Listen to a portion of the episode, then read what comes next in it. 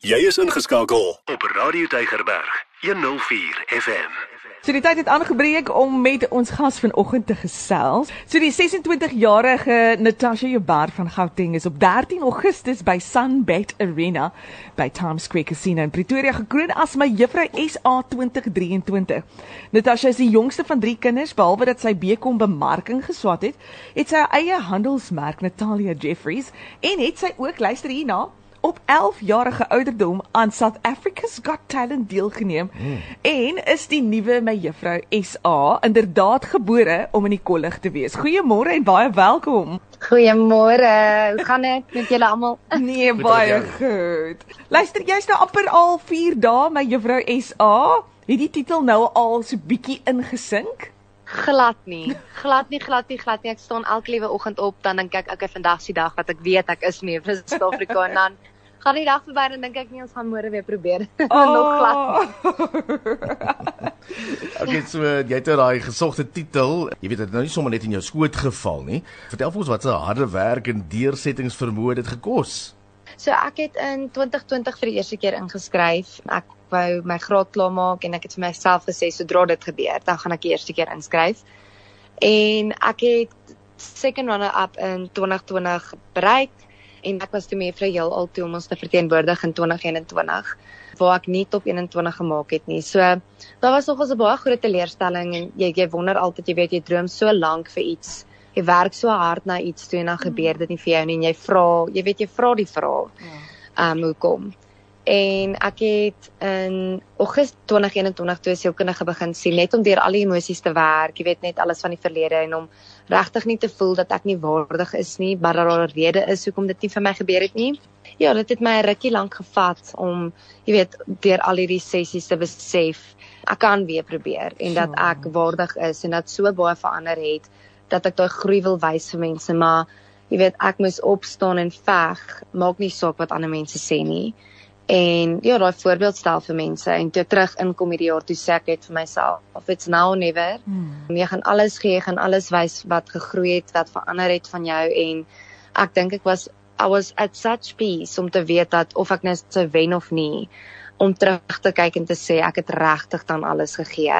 Wat ek al voel ek kon nie regtig sê van 2020 nie. Hmm. Ek voel in 2020 toe was baie um ek sal nie dit is nie insecurities nie, maar ek was baie in my kop gewees. Ek het mm. myself baie vergelyk. Sure. Um ek het vir myself gesê dit sal liewer daai persoon wees as ek. Jy weet daai self-belief was nie regtig daar mm. gewees nie. Ja, mense kan praat oor dat jy in die gym is en dat jy moordroop reg kry, maar die klein goedjies wat jy daagliks doen, ja. het regtig vir my op die einde van die dag saak gemaak om as vrou net so baie in myself te invest. Ek het dit nie gesien as prep vir me vir Suid-Afrika nie. Ek het dit meer net gesien as ek's 'n vrou wat regtig constantly wil verander en groei en dit het toe op die einde van die dag regtig in my guns getel. Absoluut. Natasha Joubert as die 2023 persoon en 2020 is heeltemal verskillend. Ja, ja. ja. Dit nou, is Luister, ek het so bietjie terwyl ek besig was om voor te berei vir vir hierdie onderhoud, het um, ek op 'n paar goed afgekom. Ek wil eers hê ons moet hier oor praat. In een van die artikels skryf jy dat jou pa nooit geweet het wat jy wou studeer nie, maar hy het geweet jy wil graag met juffrou Essa wees en jy het verseker hom ja. trots gemaak. Dankie, en ek glo jy was ook baie lief vir hom. As gesin baie, ja. het julle ook deur 'n baie moeilike tyd gegaan toe hy sy werk ja. verloor het. Watter effek het dit op jou gehad as persoon? As jy sê dit het 'n positiewe effek en negatief gehad. Hmm. Jy's baie jonk, emosionele intelligensie is nie regtig daar soos wat dit nou is nie. Ek was net 16 jaar oud gewees toe my paar lede is. Ek dink ek ek was 'n week 16 jaar oud.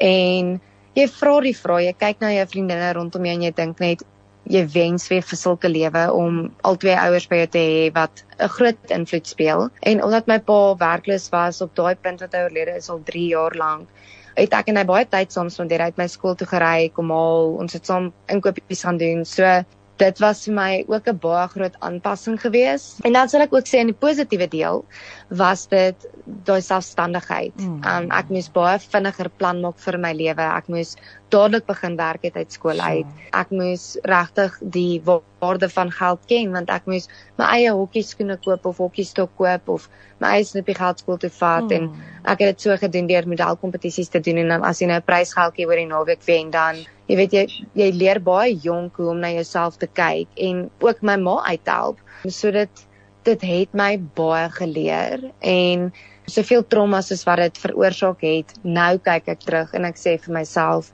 ek voel as 16 het ek dit baie goed hanteer en dit het soveel karakter gebou Absoluut. om die vrou te wees om nou 'n titel soos mevrou Suid-Afrika te kan dra want jy verstaan ook ander mense se seer. Ek dink vir my in hierdie posisie iets wat ek regtig regtig sterk oor voel is ek wil nie geenvy word nie. Ek wil regtig hê mense moet verstaan dat ek weet hoe dit voel om depressie deur te gaan of Ja. om 'n ouer te verloor of Mm. hoe om jou eie studies te moet betaal want jy kan dit nie bekostig nie. So ja, vir my is dit dit het my soveel lewenslesse geleer. Ja, absoluut. Daar's een titel wat vir my uitstaan oor jou.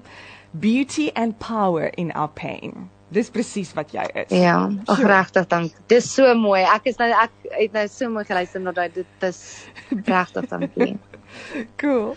So ja, net voor ons groet net laastens wil ek net by jou weet, jy weet in vroue maand, watter woord van bemoediging wil jy miskien vroue mee los? Ek dink daar's 'n paar boodskappe eintlik. Vir my is een be so unapologetic about your dreams and goals want dit is iets wat my regtig gebring het waar ek is. En aan die ander een sal wees always be a woman of constant change. Wees Ja. ja. altyd bereid om te groei en te leer en na die vrouens langs jou te kyk en iets van hulle af weg te vat. Um, ek dink in 'n dag soos vandag, soos perfek bestaan net nie meer nie. Mm. En ek dink sodra jy intap in daai iets wat jou anders maak, wat jou uniek maak, is dit regtig wanneer jy op jou sterkste begin raak. Ja. So daar's wel baie wees. Ja, dit is 'n baie spesiale maand om gekroon te word. Um, ek, Absoluut. ek hoop ek ver, verteenwoordig vrouens regtig goed hierdie jaar. Ek sal hard werk om dit te doen, maar ja, vir my sal dit maar net wees om te gaan vir wat jy wil hê in die lewe. Absoluut. Ek wil 'n laaste vraag Yes. vra. Wat dink jy het die mense in Google die meeste gevra oor jou? Hoekom voel ek altyd wanneer mense my ontmoet dan sê hulle soos ek het verwag jy's langer. So ek voel ek voel ja, ek voel mense sal seker gaan Google what's Natasha's height. Ek weet nie dis baie Nee, random maar ek luister. voel mense dink jy julle sal iets anders Google maar ek is daai persoon wat sal Google how old is this person Yes. of so ek sal ek weet nie hoekom ek sal sê dit.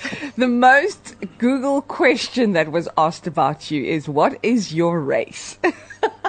Maar regtig. Ek was eintlik gevra oor dit die ander dag. Ek is Maar ek was seker. so getan gewees op finale aand dat Jy ek maar net nie half deurskynend blyk op die verhoog nie. Maar ek's Afrikaans. Dis hy, Afrikaans wit meisie. Oh, Ek is Natasha. so baie dankie. Dit was wonderlik om vanoggend met jou te kon gesels en jy's regtig dit inspirasie. As jy baie dankie hoor. Baie dankie dat julle my genooi het. Ek waardeer dit. Lekker dag. Bye. Elke dag jou nommer 1 keuse. Radio Deugerberg 104 FM.